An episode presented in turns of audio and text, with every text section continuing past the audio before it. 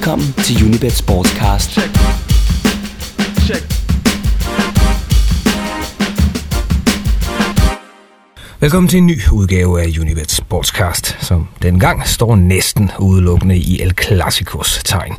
Den måske største klubkamp i hele verden, hvor to af fodboldens giganter tørner sammen på Camp Nou i Barcelona.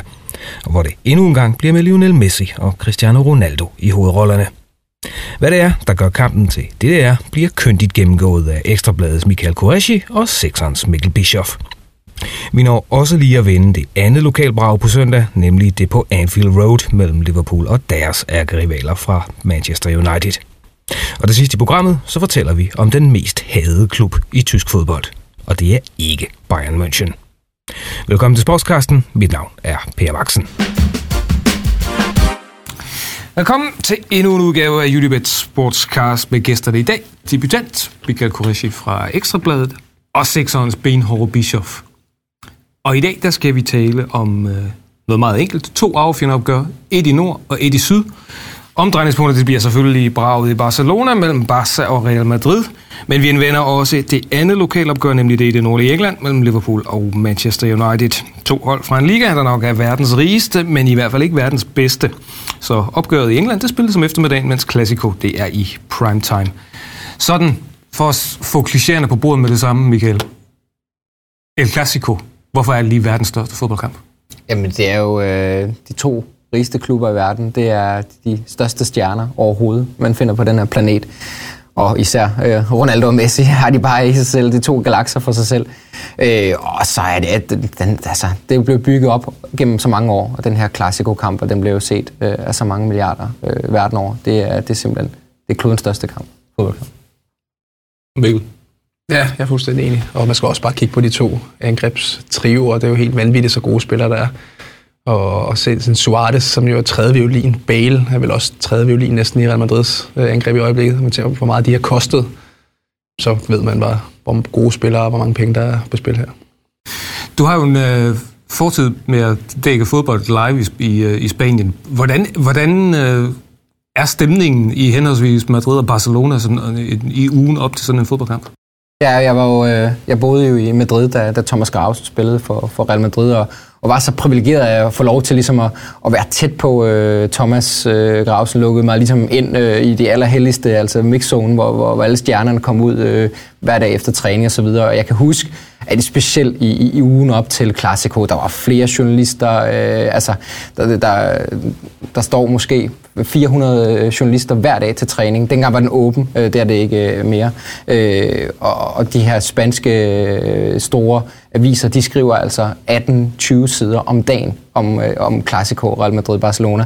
Og man kan bare mærke, det er en helt speciel øh, stemning, og, og spillerne er mere fokuseret på en eller anden måde. Altså, de er mere påpasselige på, med, hvad de siger og så videre. Så der er virkelig en elektrisk stemning sådan op til en, til en Clasico-kamp.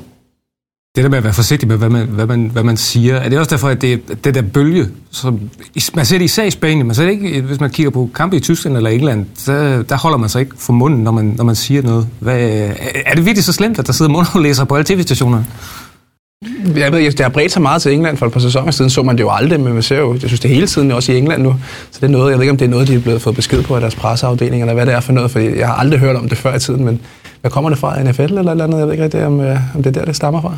Jamen, jeg, jeg tror egentlig bare, øh, altså, at, at, at at de der medier, de skal hele tiden levere, øh, fordi øh, fansene er så vilde efter at få, få informationer, at selv de mindste vinkler øh, er, værdifulde lige pludselig, og hvad der bliver sagt øh, lige mellem spillerne på bænken, og kan mundaflæses osv., jamen det er en god vinkel, og, og altså, der, der, de, de søger hele tiden øh, tingene, fordi de jo ikke bare har frit tilgængeligt, de kan jo ikke sidde fire timer med Cristiano Ronaldo, så man er hele tiden nødt til at opfinde, du ved, hvad er det sjoveste her?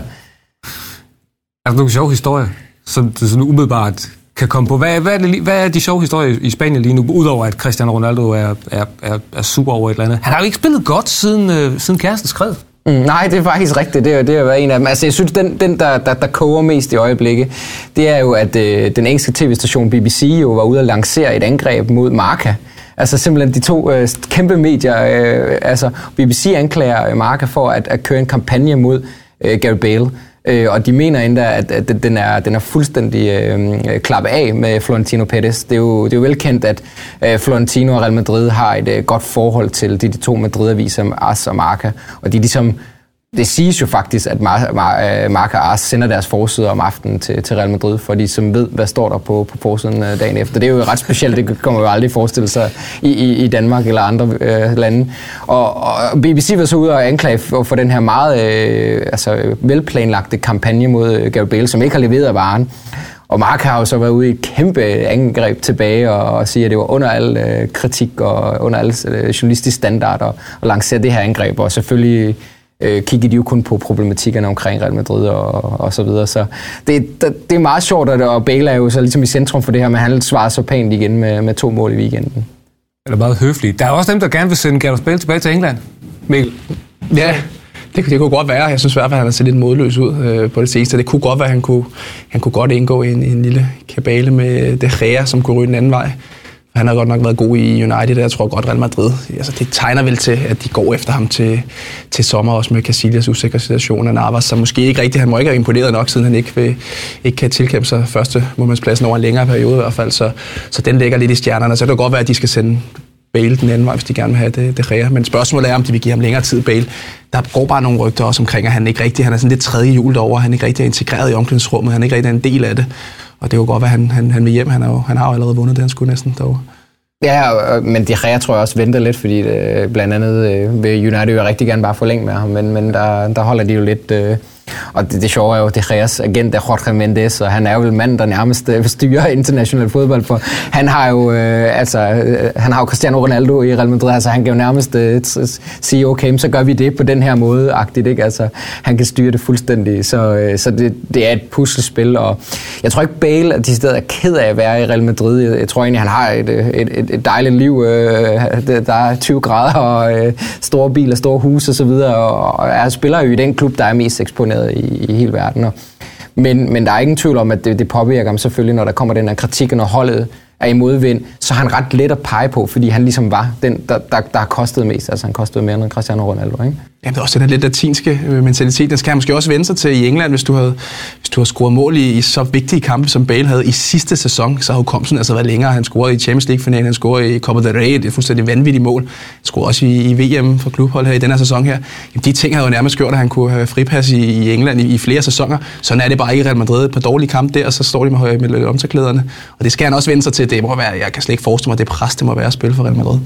Ja, det er et kæmpe, kæmpe pres. Altså, det, det, Selv Ronaldo bliver piftet ja, nogle gange. Ja, ja, præcis. Altså, altså, og det, det er, som Mikkel siger, altså, der, er, der er ikke langt fra, fra top til fiasko i Real Madrid. De er, altså, deres fans, den, den presse, er så forkælet, at de, de simpelthen bare er vant til, at de, der skal leveres fuldstændig. Og når så tingene går imod, så, så er der altså ballade, så kommer alle de lange knive frem.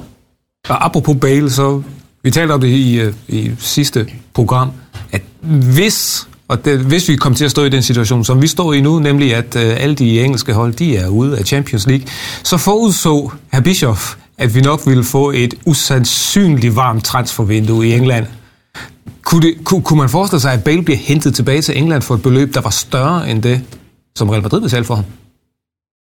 Jeg tror, at øh, jeg tror, mm, jeg, jeg tror ikke, der er nogen engelsk klub, der kommer til at ligge over 750 millioner, millioner kroner. Det tror jeg simpelthen ikke på. Øh, men jeg tror, at som Mikkel siger, at det kunne godt være en del af, at det rea måske kom. Så videre. Jeg har svært ved at se, at, at Bale sådan 100% siger, at Manchester United er lige præcis den klub, jeg vil tilbage til. Jeg tror ikke, han ser dem som, som den der styrke, vi har vi kendt øh, under Alex, Sir Alex Ferguson. Øh, det er jo et, hold, som har fået stor kritik for, for at spille med lange bolde lige pludselig under Van Gaal. Så altså, jeg tror ikke, Bale bare tænker, wow, Manchester United, det er lige mig. Øh, det, det tror jeg, at de, han lige skal, skal tænke over. Altså, så tror jeg, at, øh, at, at der vil være andre klubber, der måske vil være mere interessante for ham, men mit umiddelbare gæt er, at han stadig er Real Madrid næste sæson. Jeg tror, de vil gøre mange, der vil gå efter ham. Det er stensikkert. Når de har været så dårlige den her sæson med tv-aftaler, de ved, at de får penge, de engelske klubber, hen over nogle år her, så tror jeg, at de vil, altså, der er mange, der skal ud og, og vise noget og spille med musklerne. United tror jeg er en af dem. Altså også hvis man lægger 600 millioner for, for uh, Di Maria, så kan man måske også lægge lidt mere for, for en, der er yngre, som, som har, har leveret i den liga. City kunne måske være interesseret. Chelsea, som også på nogen måde har skuffet lidt, altså måske kunne mangle en, en, en, en Bale. Så, så, så, så der er... En, en, en, en ex-Tottenham-mand Ja, til det, Chelsea. den, den er svær, ikke? Altså, Jo, jo. jeg, jeg, tror, han, han også... Jeg tror, han vil alle, de vil lettere ved at sluge, at han rører til Til Manchester City, tror jeg, ikke? End, jo. end Chelsea. Og City kunne godt bruge, han er jo ikke så gammel lige nu, Bale, de kunne godt bruge nogle lidt yngre kræfter, som, som kunne tegne det, altså det her store indkøb. Manchester City har jo ikke kunne levere store indkøb i, i mange år, i hvert fald store indkøb, som leverer. Øhm, hvis vi så vender La Liga generelt, så er der Played by Geniuses, Run by Idiots. Den kender du, du sidder og nikker, for det er der titlen på en øh, artikel, som, som Sid Lowe, ham øh, forfatteren til Fear and Loathing in, in La Liga, han skrev tilbage i 2010. Og det er vel på mange måder symbolet på, på La Liga, at det er øh, sandsynligvis verdens bedste liga lige nu. Det er der alle de øh, bedste spillere i hele verden er.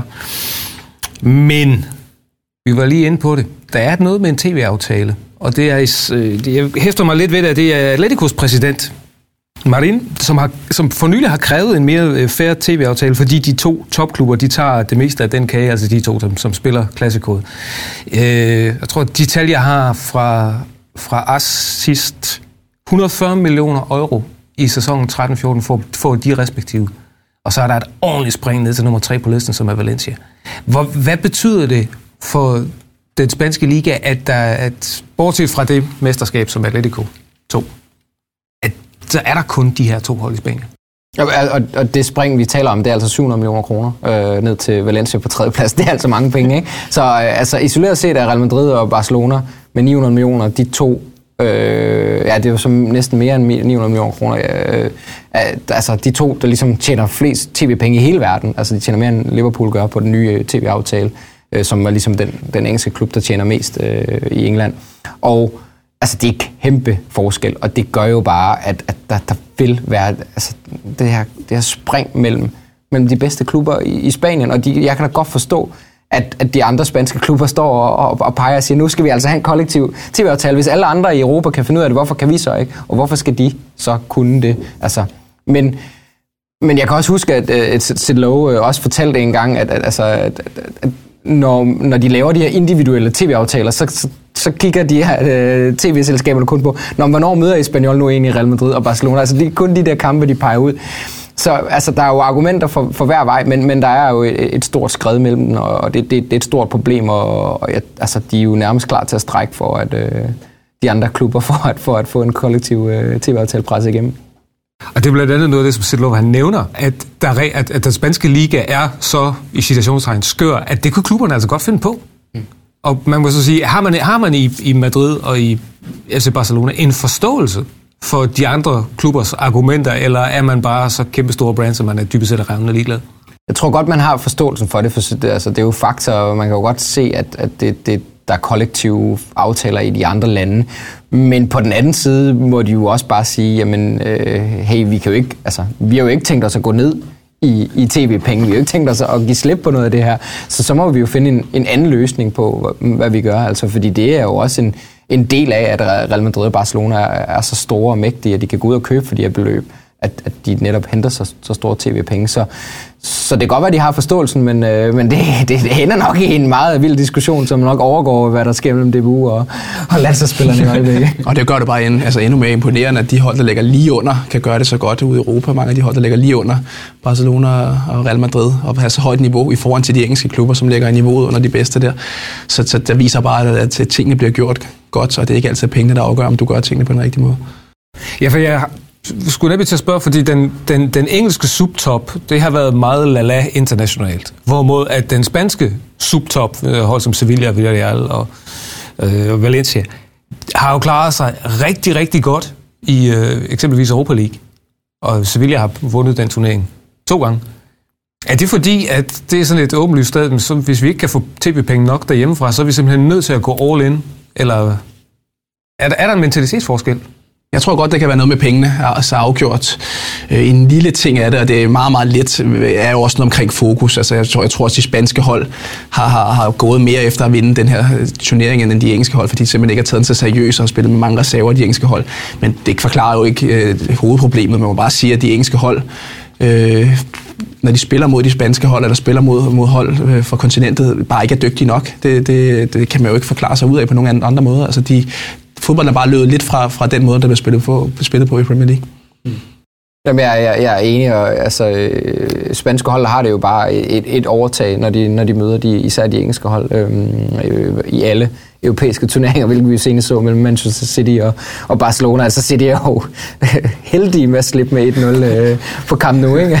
Den Joe Harden mirakler fra det, ikke? Altså, så, det, er jo, det er jo egentlig utroligt, hvor stor forskel der er, fordi man, man siger jo, at Premier League er den stærkeste liga i verden. Og det, det er der jo mange argumenter for, hvorfor er, er det. Altså, man kan jo i hvert fald sige, at at underholdnings, hvad kan man sige, segmentet i, i Premier League er jo bedre. Altså man vil jo hellere se en, en midterkamp i Premier League, end, end man vil i, fra La Liga. Fordi der er bare øh, større navn i, i, i Premier League, sådan helt generelt, øh, end hvis man ser øh, Espanyol mod Levante. Men, men, men ikke dermed sagt, at de spanske hold øh, i subtoppen er stadig bedre end, end de fleste engelske men, hold. Men hvis Espanyol så møder Sunderland eller Newcastle, så kører Espanyol dem vel over? Det, det, det er så spørgsmålet, det, det ved man ikke. Man må i hvert fald sige, at Sunderland og Newcastle har, har jo bedre forudsætninger, fordi de kan hente spillere. Altså nogle af de der hold, jeg kunne Swansea for sæsoner siden, hentede altså Boni for 150 millioner, så det er der jo ikke nogen, der gjorde nærmest uden for top 2-3 i Spanien. Altså. Så de penge, de har, de har forudsætninger for at bygge noget, men, men, men øh, kvaliteten på bundlinjen, hvis de skulle spille mod hinanden, der, der er nok ikke særlig meget forskel på de to hold. Det kan godt være, at Premier League er verdens mest eksponerede bedst eksponeret, bedst, bedst markedsførte liga, men altså, jeg nærmest våge den påstand, at Bundesliga er mere, er mere øh, stemningsfyldt, og La Liga er den, der er alle ligaer teknisk overlegen. Ja, og det handler også om branding. Altså Premier League har jo været sindssygt dygtige til at at brande sig som den her øh, kæmpe liga, som verdens stærkeste, verdens bedste liga. De har været, øh, de er også sådan, at kigger på tv-tiderne nu, spiller tidligere kampe og så videre, så, så man også til gode ser øh, det asiatiske marked og så videre. Og, altså, det, det, klubberne i sådan top 4 og 5 har jo også altså, virkelig dygtige sådan helt globalt til at, at markedsføre sig selv. Og, og på den måde, og så, så netop de der tv-aftaler, Sky og, og BT Sport, altså virkelig lægger boksen for det, ikke? og det giver jo bare nogle penge på bundlinjen, der gør, at man kan hente stjerner, altså i Spanien blandt andet. Ikke? Altså, øh, altså for mange år siden var det jo fuldstændig utænkeligt, at David Silva og Marta og så videre ville spille i, i Premier League øh, kontra Spanien, men, men det er jo realiteter nu. Specielt når man tænker på, hvor meget tid Marta har brugt på at sidde på en bænk i stedet for. ja, i hvert fald på det seneste. ja. Men lige for at vende tilbage til Classicoet, fordi Barcelona har været flyvende, de bruger Manchester City som, som, som, som kejler, og Joe Hart som mur. Men Real Madrid var alt andet end overbeviste. Hjemme mod Schalke 04, der vi var, var rimelig overbevist om, at den ville, den ville Real Madrid bare køre hjem stille og roligt, og så var det lige ved at gå galt. Hvad pokker skete der i den kamp? Jamen, det, det er det er forsvar, altså, øh, og det er bare skræmmende, hvor afhængig øh, Real Madrid er af Sergio Ramos. Øh, når han ikke spiller, og det har han jo ikke gjort i et stykke tid, så har det stort set sejlet. Altså, de har jo kun slået de, de lette modstandere efterhånden, jo, ikke? Altså, de tabte jo øh, til, til, til Bilbao og Villarreal, og så sko- lægger, lukker de altså fire mål ind mod Schalke. Øh, det, det er for sårbart. Modric har også været ude og, og komme tilbage i weekenden og viste egentlig, hvor, hvor betydningsfuld han er det samme med, med Ramos. Øh, og, og de to forventes jo nok at spille øh, i Clasico, det giver i hvert fald et boost til, til Real Madrid. Og så har det jo en stor betydning, at Cristiano Ronaldo ikke, øh, ikke, ikke scorer øh, særlig mange mål. Han scorede øh, øh fem mål i, øh, hvad hedder det, i, i, i 2015, ikke? Øh, i hvert fald i, i La Liga.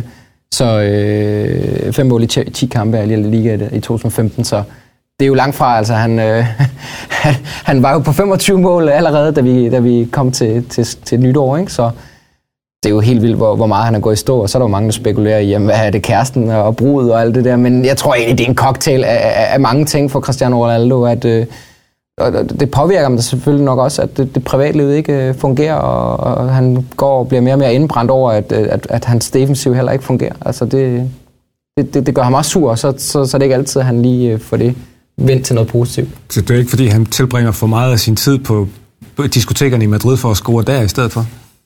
Det kan godt være. Nej, det, jeg, jeg, jeg, jeg, jeg tror det ikke. Uh, Cristiano har jo i hvert fald siden Man United-tiden været utrolig professionel og stort set ikke bevæger sig ud i, i, i nattelivet. Så da han endelig gjorde og holdt sin, sin 30-års fødselsdag, så fik han jo massiv hug for det, for det var det var aften, hvor de tabte 0-4 til Atletico Madrid. Ikke? Øh, han skal så, nok heller ikke ud i nattelivet eller heller på, på nettet for at score, skal han det? Nej, det, det behøver han ikke. Jeg tror, han, øh, han godt kan, kan ringe dem hjem. Men, øh, en god anekdote var, øh, at øh, dengang jeg var i, i Madrid, så øh, hentede de jo Rubinho, som var det, det kæmpe store her navn og så videre.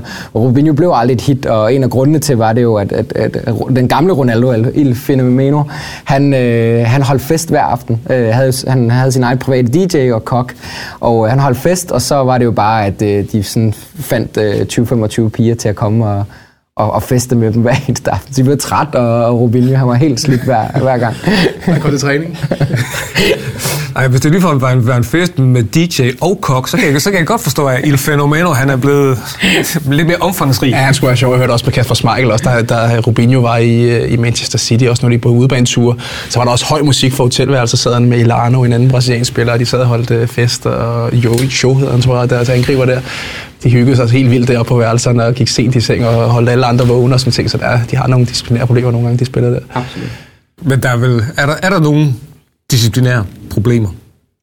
I det nuværende Real Madrid? I, i de nuværende Real Madrid. Øh, ja, Marcelo er glad for at feste, det, det er der ingen tvivl om. Øh, men, men jeg vil sige, at, at det, ej, jeg, jeg, jeg tror ikke, der sådan er, er problemer med, at der er nogle af de her spillere, der, der går ud i, i natlivet. Det bliver jo ret hurtigt opdaget, øh, snart de bevæger sig ud i natlivet, så er der mange fans, der vil tage selfies af dem, og de ryger til, direkte til medierne osv. Øh, så, så altså, jeg, jeg tror, at de, de har, holder okay lav profil, men man er jo ingen tvivl om, at, øh, at altså, på banen øh, kan, kan, har man jo Pepe, ikke? så, som jo ikke altid er med, hvor man har. Han er godt nok ikke, øh, får ikke så mange gule kort øh, som, som tidligere, men altså, han er jo stadig et, et løsgående missil, og jeg synes heller ikke, at Varane har, har spillet op til det, han kan. Så, så, så på den front har de da i hvert fald nogle problemer. Ja, også bare altså, internt, som bare kigger på angrebet med, med Ronaldo, der har lidt problemer, når Bale scorer. Det virker bare ikke som om, der er den harmoni mellem de tre spillere, måske lige præcis. Og så kigger du over til Barcelona i øjeblikket, hvor Messi og, og Suarez og Neymar, de virker som de bedste venner. De krammer hele tiden og kysser på kinden, og man ser ud på tilskuerpladsen, sidder konerne sammen, og de, man ser billeder, hvor de shopper sammen, alle, øh, alle sammen og sådan Det er som om, der er virkelig, de har virkelig fundet en, en harmoni, også uden for banen. Og det tror jeg også, det tror jeg også at der er ikke en, det her tredje hjul, som Bale er i Real Madrid. Der er en harmoni, som de også kan bruge på banen, og de under hinanden forskellige ting. De spiller, det, det tog så overhånd mod Manchester City, der, sådan, når de skulle skyde på mål, så spillede de hinanden. Når de spillede hinanden, skulle de skyde på mål rigtigt, hvis man skulle, skulle se på det. Men, men det viser også, at de under hinanden tingene i øjeblikket, at, at, at der ikke er så meget egoer i, i Barcelonas angreb i øjeblikket i forhold til Real Madrids. Jamen, det, det er en rigtig god point, fordi man husker jo, da, da, da hvad hedder det, øh, Barcelona hentede Zlatan, der var Messi jo utilfreds. Jo. Han mente, han skulle ind og spille nieren, og han, han, han brød sig ikke rigtig om Zlatan. Det var simpelthen to egoer, der ikke fungerede sammen. Men her øh, er Neymar og Messi jo altså, nærmest bedste venner, øh, og Suarez kommer rigtig godt ind i det. Og, og jeg, altså, jeg kender nogen, som kender Suarez rigtig godt personligt, øh, og, og siger, at han egentlig er en helt stille og rolig, rigtig fin fyr, øh, meget familiemenneske, og det, det kan de jo godt lide, og som, som Mikkel siger, øh, konerne fungerer jo også ude på banen, og det, altså, det, det giver bare en, sådan et familiefølelse, som, som jo også øh, kommer ud på, på banen, når man spiller sammen.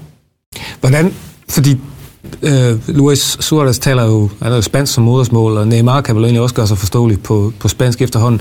Hvis man kigger på Real Madrids trup, hvis der er nogle af nøglespillerne, det skulle jo Gareth Bale øh, og, og Toni Kroos. Hvor gode er de til spansk? Ikke særlig god. Øh, det er de. Øh, Gary Bale han, han får lektioner øh, dagligt, men vi er stadig på, på, på lavt niveau, og det, det, det har en pris, og det, det, det er en god pointe, fordi øh, der, der er jo de her grupperinger, hvor, hvor, altså, hvor Cristiano holder så meget med portugiserne, så, fordi at, så taler de bare portugisisk. Øh, og så er der den her spanske gruppe, og så, så har man sådan lidt Bale og Kroos og Modric, som, som sådan sidder lidt udenfor. Og, altså, ja, altså det, det, det, det betyder noget, øh, at der er de der små klikker i det, hvor jeg tror egentlig Barcelona er sådan ret, øh, ret harmonisk igen. Det har jo været nogle gange lidt, lidt, lidt problemer osv., men og de har også fundet ligesom rytmen med, med, med Luis Enrique. Øh, I begyndelsen var, vidste Barcelona-spilleren stort set hvordan Luis Enrique ville spille, altså han skiftede hele tiden i sin startopstilling, og hans koncept var ikke sådan rigtig tydeliggjort. Og det gjorde blandt andet Messi sur. Der var nogle problemer mellem Messi og ham. Det er også kommet frem siden Piqué har fortalt om det, at der har været nogle skænderier, men at det er normalt og så videre. Men jeg, jeg tror ligesom, man har accepteret hinanden nu, og, og tingene fungerer i, i langt højere grad nu for Barcelona. Så mere harmonisk, mere familiefornemmelse hos hjemmeholdet. Hvis I nu skal, hvordan, kommer det, hvordan kommer det til at gå? Fordi ja, hvis jeg hører det rigtigt, så er det sådan, at der, hvor det lyder som det er mest stabilt, og der er mest ro på, og mest overskud, det er hos Barcelona. Så, øh, Ja, prøv at se, hvor hurtigt det går. Altså i starten af januar, så var det det komplet modsatte.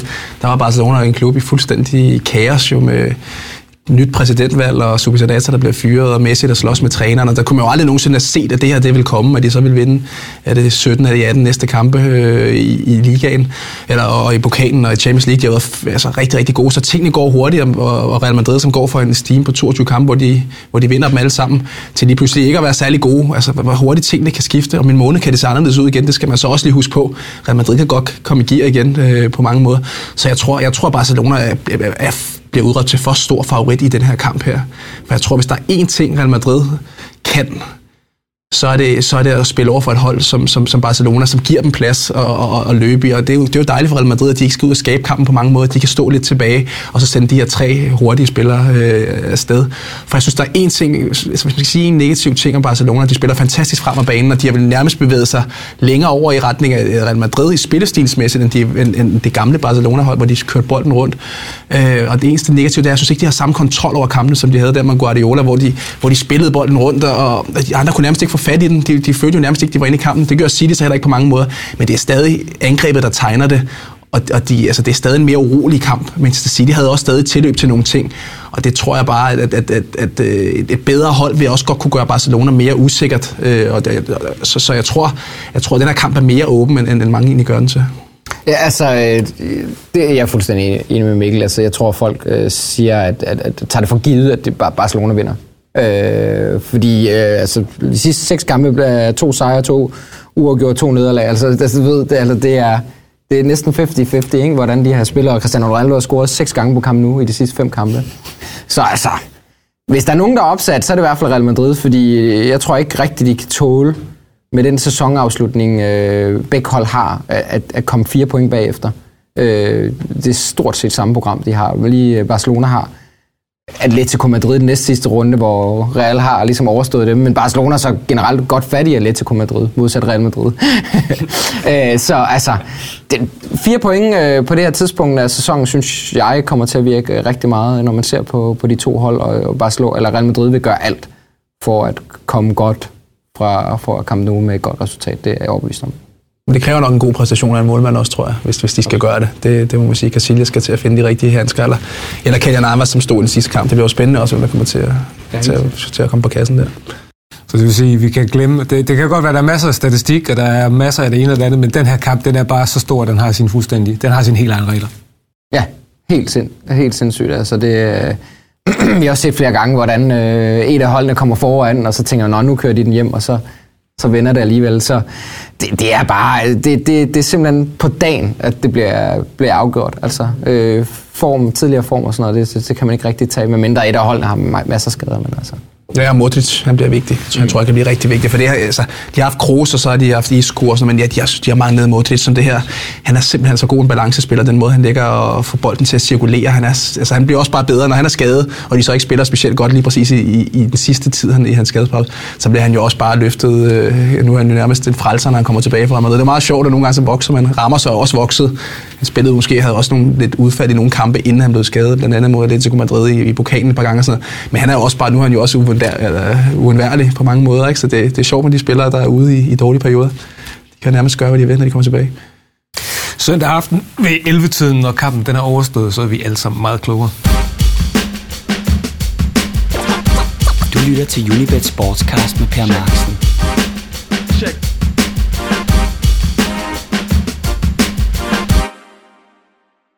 Så skal vi lige vende det der opgør op i England, som jo får, står fuldstændig i skyggen af klassikoet The North West Derby.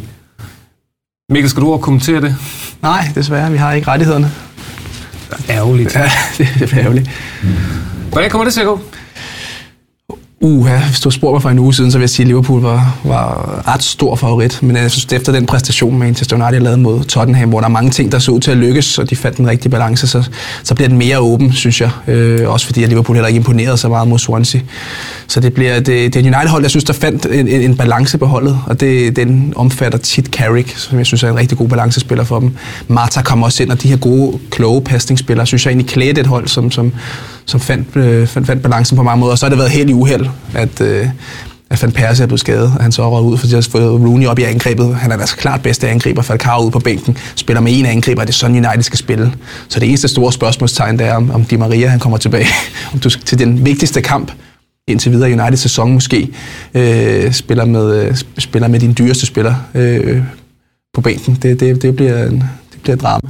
Ja, absolut, og det, øh, jeg tror, det er vigtigt for United, at man, man også fik gang i, i Wayne Rooney. Det hele handlede jo i sidste weekend om hans, om hans øh, boksekamp på YouTube øh, med, en, med en gammel holdkammerat, øh, men, øh, men øh, han fik der svar igen, må man sige, øh, og fik lagt den historie pænt ned ved at levere en rigtig god præstation med, med mål mod, øh, mod Tottenham, og der er ikke nogen tvivl om, at, at det er ligesom givet United et boost, efter at man har virkelig kigget på dem og, og sagt, øh, altså, er, det, er det et hold, der nærmest øh, skal, skal ligge nede i bunden, fordi den måde, de, de, de spillede med, med alt for mange lange bolde og ligesom overlod det, det hele til, til modstanderne, så, så synes jeg, at de leverede den der præstation, hvor man tænker, okay, det, det er et hold, der godt kan slå Liverpool. Men øh, umiddelbart vil jeg sige, at Liverpool er, er favoritter på hjemmebane.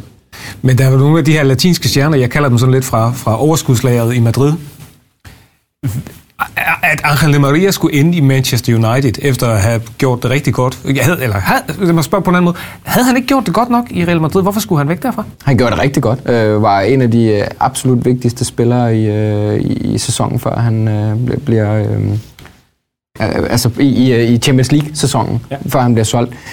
Jamen, altså, det, det er jo sådan med, med, med, med Real Madrid, for det, det samme sagde man jo om Mesut, Mesut Özil, altså hvorfor skulle han sælges så videre. Men, men det er jo Florentinos øh, præmis, at nogle gange så, så vil han gerne øh, hente nogle, nogle penge ind for at finansiere noget andre ting. Øh, og, og for, for Di Maria øh, blev mere og mere skubbet lidt ud af, i, i kulden, og der var nogle sådan lidt problemer i omklædningsrum og så videre, så, så var det ret let for, for Florentino at få, få smidt ham afsted. Og det er så Radamel øh, Falcao, der tager en, der tager en omvej over Monaco for at ende nu på øh, Manchester Uniteds U21-hold. Ja, det er også underligt, at han sidder der. Men det er jo også for, for, for at knytte en kommentar til det her med Real Madrid. Det er også bare sjovt at se, ikke? Altså, Ancelotti har bare ikke noget at skulle have sagt, når de her ting sker. Øh, og det var jo Mourinho, der var han jo stærk. Han havde fået indført sin kontrakt, og han skulle have, han skulle have indflydelse på de her ting. Så de, de hentede jo ikke samme type spillere på det tidspunkt, Mourinho. Det var, det var ham, der havde indflydelse på mange af de ting der. Men, men manager som, som, eller træner som Ancelotti, så sker tingene bare hen over hovedet på ham. Han skal bare stille det bedste hold. Mm. Hvis vi kigger på specielt Manchester United, der er deres indkøb af, af lat, han er altså latinske stjerner, som har haft halvt svært ved at levere. Jeg tror stadig på en overvægt til Liverpool her, men, men, men øh, det er vel også Uniteds chance til at sætte sig igennem og vise, at de ikke bare har været heldige i den her sæson. Ja, absolut. Øh, det, det er nu eller aldrig, hvis de skal, skal komme op i, i, i topfeltet. Øh, og, og der må man sige, det har ikke været en specielt god sæson for, for, for Van Gaal, men, men der er, som Mikkel også sagde tidligere, altså der er nu begyndt at sådan komme lidt, lidt form over det. Og så og netop, at de har været lidt uheldige med, med, med Van Persie. Øhm, og jeg tror egentlig, de er bare indset, at Falcao ikke skal være der fra næste sæson. Så alt det der med en, en, en forkøbs øh, altså aftale og sådan noget, den, den tror jeg bliver pænt annulleret. Og jeg tror også, Falcao har bedre af at være i, tilbage i Spanien, vil jeg umiddelbart sige faktisk. Ja, så får vi alle svarene nu. Det er jo også dejligt, at man hele sæsonen har gået og sagt, har United været heldige, eller, eller har United vist så meget klasse, at de kan vinde, selvom de spiller dårligt. Nu får vi svarene, nu skal de spille mod mange af topholdene, og de har, har gjort det godt i den ene mod Tottenham og dumpet mod Arsenal i FA Cup'en, så nu, altså, nu, nu får vi svarene. Van Raal, han står til, til regnskab hver uge i næste par uger. Så bud, du siger Liverpool. Ja, det bliver spændende med Liverpool, for jeg synes lige præcis, Liverpool er vel, vel det, altså, det største eksempel på et, på et hold, som, som, er, som er kommet for har været i en bølgedal, og så kunne rejse sig igen. Det er jo det, United rigtig gerne vil. Jeg synes, Rodgers har gjort det helt fænomenalt, og, og har flyttet holdet fra et hold, som har været afhængig af enkeltpersoner. Suarez, øh, også Sturridge øh, på mange måder, Steven Gerrard, til et hold, hvor, hvor ingen af dem måske indgår i idealopstillingen. Suarez er væk. Øh, Sturridge tror jeg ikke kommer til at starte øh, mod, mod, øh, mod United. Det er i hvert fald ikke sikkert. Måske spiller de med Sterling frem, og, og Jared tror jeg ikke kommer til at spille på midtbanen. Der, der er i hvert fald tvivl om det, fordi de har fungeret bedre uden ham. Så de er gået fra et, et hold, som bare øh, havde øh, individuelle spillere, som, som afgør kampe, til et kollektiv, som forsvarer godt, og, og ikke skal bruge særlig mange mål for at vinde kampe hver gang. De er simpelthen så solide øh, over hele holdet. Jeg synes især et godt eksempel er sådan en spiller som Moreno, som ikke rigtig spillede den helt store rolle sidste sæson, som virkelig er blevet altså en, en fast del af det her hold, og som, som leverer toppræstationer. Coutinho, synes jeg også, Coutinho. gør det rigtig godt øh, for, for Liverpool. Så, så øh, han havde stået virkelig med nogle kæmpe udfordringer i sommer, øh, Brandy Rogers, med, som Mikkel har, har nævnt, og, og der, der synes jeg, at de har arbejdet tålmodigt, øh, og han har arbejdet dygtigt, synes jeg, med det hold på, til at forvente til, til hold, der simpelthen nu øh, leverer resultaterne og hans stjerne i mine øjne, Brendan Rodgers, er stedet. Hvis de bare var kørt videre til starten af sæsonen, og det hele bare var kørt på skinner, så jeg tænkt, han er en god manager, han har fået til at spille godt over en lang periode. Men det, at de er nede og vende, og han forventer, prøver nogle forskellige formationer, og har en helt utraditionel formation, den her 3, hvad er det, 3, 4, 2, 1, som der ikke er særlig mange, der spiller, og de fungerer med den i, i Premier League. Det viser jo bare en, en, en, træner, som har løsninger på det, som kan hive hold op igen. Så det, synes jeg, altså det har fået mig til at synes, at han er en endnu bedre træner, end at man bare kan ride videre på en, en bølge i lang tid, og så, og så øh, blive ved med at skabe resultater. Men hvis nu skal vælge, det kampen heldigvis ikke spillet oven i hinanden. Det er en stor, det er en stor fodboldsøndag, det her. Så et ledende spørgsmål. Hvad for en af de her to kampe vil I helst se? Hvis I kun må vælge en. Så vil jeg tage det El Clasico. Det... Ja, Clasico. Det må man nok sige. Den er lige tanden større. Det er lige præcis. Klass, klass, Clasico over dem alle. Vi når ikke mere i øh, dagens udgave. Tak til Mikkel Bischoff fra Sexeren, og tak til Michael Koreshi. Og jeg til sidst et par ord om fjendebilleder i fodbold. Oligarker i England og Østeuropa, sheiker i Paris og Manchester. Og alligevel så er hadet til storkapitalens magtovertagelse af fodbolden næppe større, end når det gælder en indtil for få år siden relativt betydningsløs fodboldklub i det forhåndværende DDR.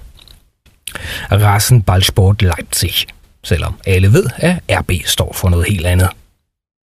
I tilfældet RB Leipzig så er fakten nu glædet over i chikane og voldelige udfald mod alt, der hører til klubben.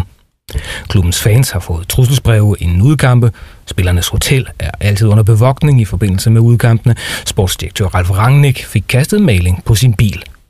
Demonstrationer, protestaktioner, boykot og foragt er for længst blevet daglig kost for RB Leipzig. En protest, der blandt andet er sat i system på hjemmesiden Nej til Red Bull at det kommer så vidt, det skyldes, at mange mener at have fået den fornødne legitimitet til, at svage sjæle kan afreagere. Nogle skal nogle gang prædike for koret, og koret vil høre den samme prædiken om og om igen. Eller som avisen De Velt spørger, hvad er i grunden værst? At fodboldspillere må under beskyttelse, eller en klub, der er skabt af rene marketinghensyn, og som med sin millionformue er i stand til at sprænge de traditionelle rammer i tysk fodbold. Som sådan er der ikke noget i vejen med hverken fodboldklubben i Leipzig, for de nye ejere har som end bare udnyttet et smuthul i lovgivningen, hvilket som bekendt er, hvad hovedrige virksomhedsejere og deres herrer og advokater og revisorer hele tiden gør. VW og Bayer har ejet klubberne i Wolfsburg og Leverkusen i årtier, og da begge byer er relativt små efter tyske forhold, så har man brugt vendingen plastikklubber om dem og deres fans. Men noget decideret had har der aldrig været tale om. Højst foragt. Fodbold-Tyskland er rig på rivaliteter, hvor der er alt andet end varme følelser mellem tilhængerne. Schalke 04 og Borussia Dortmund bliver aldrig venner, har Svag og Bremen næppe heller. Wolfsburg, Hannover, Køln og Leverkusen. Det eneste, man kan blive enige om over en kamp, det er, at man alle hader FC Bayern München. Men i det mindste, så er alle disse klubber traditionsveregne altså minus de to plastikklubber, der godt nok har eksisteret længe, men som jo altid har haft en corporate sugar daddy til at samle regningerne op. Ingen af dem risikerer at ryge i luksusfælden som Kaiserslautern, Darmstadt, Essen eller andre større byer med falmende fodboldstoltheder. Modsat den gængse opfattelse, så er Tyskland ikke en nation af fodboldromantikere. Det er en nation af fodboldtraditionalister. Traditioner de betyder noget, især når det gælder sport og i særdeleshed fodbold. Den amerikanske rags to riches tankegang er ikke noget, der bliver en del af den tyske kulturarv lige med det samme, og at dømme efter reaktionen andre steder i Europa, er det i grunden noget, der ligger en verdensdel med historie fjernt. Her er det utænkeligt, at man kan opnå respekt på rekordtid, bare fordi man har valgt at hælde en hulens masse penge i et fodboldprojekt, og derfor har været i stand til at føre en inferiør klub op fra serierækkerne til den bedste række på rekordtid. Hvem sagde Hoffenheim? Hochgezüchtet wie ein Schwein, immer noch ein Dorfverein. På tysk rimer det, det gør det ikke i den danske oversættelse. Oppustet som et svin, men stadig en landsbyklub. Sådan genlød det, da Dietmar Hops lille klub steg mod Bundesligaen, hvor de nu synes at have etableret sig permanent. Med et topmoderne stadion i Sinsheim, succesfuldt ungdomsakademi, eminent scouting og orden i finanserne. Eneste problem er, at den mand, der skaber orden i finanserne, også er den mand, der enerådigt råder over klubben. SAP-milliardæren Dietmar Hopp, der fuldendte sin drengedrøm og gjorde den lille klub, hvor han spillede som dreng, til en del af det fine Bundesliga-selskab. Men respekten for projektet i Hoffenheim er stadig langt væk. For 1899 Hoffenheim, som klubben gerne vil brande sig selv som, fordi 1899 lyder af tradition, er stadig forhat, fordi alle kan se, at det er en enkelt mands penge og visioner, der ligger til grund for det hele. Også selvom Hoffenheim næppe ville have nået Bundesligaen så hurtigt, hvis det ikke havde været for en anden mand, Ralf Rangnick. Hvilket lidt elegant fører os tilbage til Leipzig. For Ralf Rangnick er i dag ansat af Red Bull-koncernen og har som sportsdirektør fået til opgave at føre RB Leipzig op i Bundesligaen. Red Bull ejer i forvejen klubber i New York og Salzburg, ligesom selskabet har investeret i et Formel 1-team og mange andre projekter, der på overfladen intet har at gøre med den koffeinboostede drik, der er grundlaget for formuen. Red Bull gør i Tyskland, som man havde gjort i hjemlandet Østrig. Få en branded fodboldklub i landets bedste række, så man kunne være sikker på eksponering og omtale alle ugens syv dage. Problemet var, at man i Tyskland har den såkaldte 50 plus 1 regel. Det vil sige, at en mand eller virksomhed aldrig kan have den enerådende magt i en fodboldklub. Undtagelsen er, hvis denne mand eller koncern har haft et forhold til klubben i mere end 25 år, hvilket legitimerer VV's og Bayers interesser i Wolfsburg og Leverkusen. Fodboldklubben er og skal være en del af byens identitet. Den bestemte majoritet skal tilhøre medlemmerne, som man må antage stammer fra lokalområdet. En fodboldklub skal være forankret i den region. Det der er tradition for. Og traditioner er til for at overholdes. Man kan ikke bare vade ind fra gaden, smide nogle millioner og så ellers købe en klub. For en klub er ikke en traditionel forretning. Det er det, som projektet i Leipzig udfordrer. Her købte Red Bull-koncernen i 2009 landsbyklubben Markranstedts licens, da den lå i den 6. bedste række. Og for klubber uden for den professionelle fodbold, det vil sige første, anden og tredje Bundesliga, så er der i grunden frit slag. Det var den vision, som RB gik ind i projektet med. Køb en klub langt nede i systemet og have tålmodighed med visionen – ikke ulig det billede, der tegner sig fra de lavere engelske rækker, hvor de sidste britiske ejere gradvist er ved at blive købt ud af udlændinge, der øjner Premier League, men ikke har samme midler som Roman Abramovic.